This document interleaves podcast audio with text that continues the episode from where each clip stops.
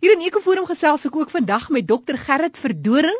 Altyd lekker om met jou te gesels Gerrit. Welkom by die program. Hallo Jackie, dankie jong. Nou Gerrit praat vandag as die direkteur van die Griffin Gif Inligtingseentrum. Gerrit en dit is 'n ding wat ek weet nog in jou dae wat jy gewerk het by die Trust vir Bedreigde Natuurlewe, het jy baie nou saam met die boere gewerk want dat gifstowwe 'n rol het in die omgewing is 'n feit. Ons kan nie sonder dit klaarkom nie, maar daar's ook die ander kant van die muntstuk. Dis hoe ons met gifstowwe en die verwerking daarvan, die vernietiging daarvan en die soort ding omgang. Ja, dit is maar altyd 'n probleem, jy weet, want die produkte is de facto giftig. Met ander woorde, dit gaan iewers 'n impak hê op die samelewing en die omgewing en uh, dit is ons plig as gebruikers daarvan om hierdie goed korrek te bestuur dat ons wel die die nodige effek daarmee kan hê om die peste en plamme te beheer maar dat ons die potensiële impak daarvan op die omgewing en mense totaal minimaliseer. Is wel moontlik as ons wel die regte paadjie volg en wel die reëls volg daarmee.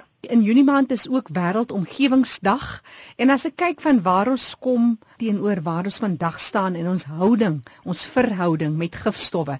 Die boere het aanbeweeg. Ek weet jy het baie nou saamgewerk op die grond gegaan tot boere in die Karoo reg oor die land om juist te praat oor hierdie tipe ding, hoe ons te werk gaan. Wat is van hy lesse wat ons deur hierdie jare geleer het? Wat sou jy uitsonder? Ek ek dink die een les wat ek geleer het is mens moenie konfrontasie gaan soek met mense nie. Jy weet, uh, mense maak foute. Ek maak foute, die boere maak foute. Die regering maak foute en daar kom baie keer hierdie ongelukkige gevalle waar iemand 'n plaagdoder verkeerd gebruik of misbruik en dan kom 'n redelike groot impak in die omgewing veral met my passie goed die aasvoëls jy weet. Maar ek moet sê dat oor jare heen het geleer dat as ou saam met mense werk en jy gee die ouens inligting en raad um, van 'n goeie grondbeginsel af dan is die mense se koppe oop. En ek het hierdie jare heen ek het ek gesien hoe die landbougemeenskap wegbeweeg het van hierdie totale gifmisbruik af na ene waar hulle baie meer verantwoordelik is. En daar het ook ander goeie bygekom naamlik dat uh, baie van die plaagdiere het as gevolg van 'n groener boerderomgewing het baie toegeneem soos die jakkals in die Karoo gee vir die boere ontsettend baie gas en goed soos die kraaie gee vir die boere en die omgewing baie gas. Om ons om, omdat die boere meer groen boer en minder misbruik maak van landboumiddels maar um, ek kom altyd terug by begin dat mens moenie gaan moeilikheid soek nie. Moet saam met ouens werk en was altyd 'n behoefte by mense om meer inligting te kry. En ek dink dan ten minste in my geval deur al die jare heen met my ontwikkelings van hierdie hierdie gifsentrum en die samewerking met die boere en bietjie geleer hoe die chemikalie kan vir mense baie raad gee en dit is nog steeds wat mense wil hê. Hulle wil raad hê om probleme aan te pak sonder om omgewing te benadeel. Dit is dit is maar my rol in kon met hierdie gifsentrum of om vir mense die korrekte raad te kan gee. Nou ek weet jy tree op as 'n konsultant van Afkasa. Afkasa is nou die landbouchemiese bedryf. As jy nou so luister na die terugvoer wat jy kry, navraag en goed, wat is dit wat jou bekommer deesdae as ons kyk na gifstowwe en hoe ons daarmee werk in Suid-Afrika? Ek is nie so seer bekommerd oor wat die publiek en die boere met landboumiddels maak nie. Dit is maar altyd 'n probleempie klein bietjie, maar dit gaan al hoe beter jaar na jaar dat daar minder misbruik is. My bekommernis lê oor hoe die staatsstelsel in mekaar geval het want Die regulatoriese departement van departement landbou is is deesdae baie dun gesaai. So die regulatoriese goed werk nie baie goed nie. Die arme inspekteurs wat moet help met ondersoeke na gifmisbruike is so dun gesaai en ek wil laai die arme mense met my geval heeltemal. So as ons nie ordentlike wetstoepassing het nie, dan kan jy maar maak wat jy wil. Jy kan wette, jy kan regulasies, jy kan goeie beginsels hê, maar jy gaan nog steeds nie die probleem kan uitwis as jy nie vir gemeenskap kan wys dat die oortreders ordentlik vasgevat is. Ek probeer op alle vlakke werk met landboudepartement omgewingsake, die nasionale vervolgingsgesag en oralste.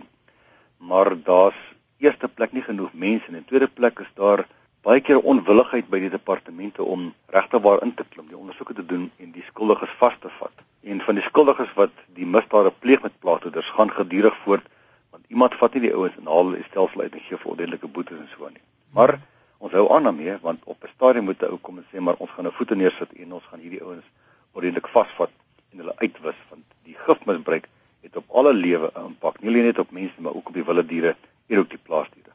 Dis dokter Gerrit Verdoren wat gesels hier in Ekoforum, hy's direkteur van die Griffin Gif Inligtingseentrum. Gerrit, dis die een kant van die saak, maar as ons of vanmiddag 'n paar luisteraars kan inlig oor gifstowwe en die moenies en die moets, wat sou jy uitsonder ten opsigte van gifstowwe, die gebruik daarvan, die vernietiging daarvan en so meer? Ek het die die heel eerste beginsel wat ons uit uit my perspektief as 'n gifkonsultant en ook uit die landbouchemiese sektor vir die ouens altyd sê, lees die etiket.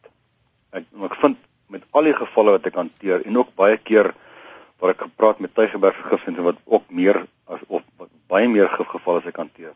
Is as jy die etiket van 'n produk lees en jy die etiket streng navolg, is die kans om enige skade aan te rig is net monetjies nul. Hmm. Ek vind met my gevalle, dan kan teer seker so tot en met 120 gevalle per maand van vergiftiging van mense en diere in die omgewing kontaminasie.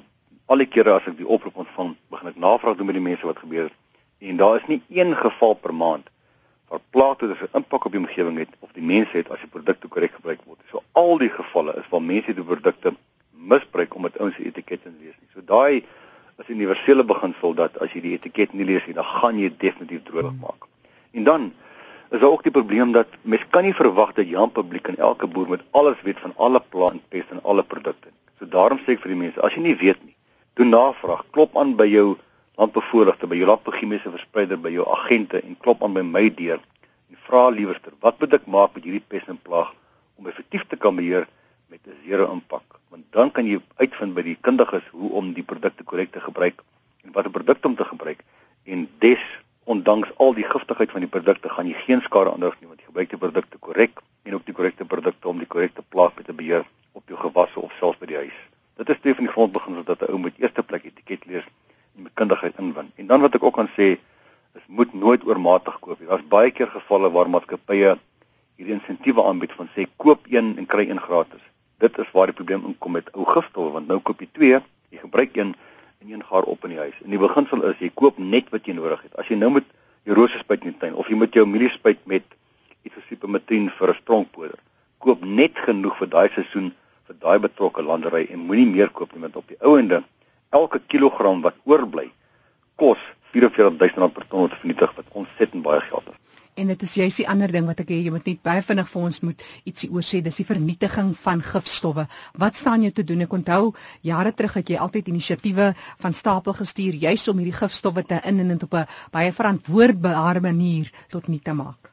Ons het in Suid-Afrika nou 'n probleem met die ou gifstof want daar is nie 'n program aan die gang om die goed te herwin en te vernietig nie. Ons sit nou en wag by afkase vir die goedkeuring van die staat vir ons plan wat ons voorgelê het en die oomblik as die plan goedgekeur is, gaan ons kan begin met 'n proses om ou gifstowwe op te ruim in die plaasgemeenskap en ook in die lande in die stedelike gemeenskap. Maar tot en met daai goedkeuring gegee is, is ons hande afgekap. Al wat ek vir mense sê, as jy werklik was met 'n probleem, kontak my op my noodnommer. Die nommer kan ons net vir die mense gee en ek kan vir jou verwys na maatskappye wat jy miskien 'n paar rand gaan vra maar wat op die korrekte en die wettige wyse produkte kan vernietig dat daar geen skade kan kom of mense of diere vergiftig word nie. Maar moenie produkte wat jy het wat oorgebly het begrawe, die tuin afgooi, probeer self verbrand nie want glo my, al daai metodes gaan op die ouende skade veroorsaak aan mens en dier, die waterbron op die ouende alle lewe bedreig. So moenie jou eie planne maak nie. As ek kom by leehouers, dan kan ons binnekort op die webtuiste van CropLife Suid-Afrika kyk en daar gaan 'n lys wees van so 15 na 18 maatskappye wat leehouers wat uitgespoel is en gewas is en skoongemaak kan bymekaar maak en hergebruik en omskakel na ander kommoditeite waar die plastiek gebruik word om byvoorbeeld um, plastiekpale mee te maak en goeder soos pallette mee te maak. So mense op hierdie stadium al reeds 'n proses aan die gang vir die leehouers of vir die gifstowwe met mense met my kontak individueel en ek kan hulle verwys na agent wat kan help om daai produkte te vernietig. En onthou jy kan vir Dr Gerrit Verdoring skakel of stuur 'n SMS na 082 446 8946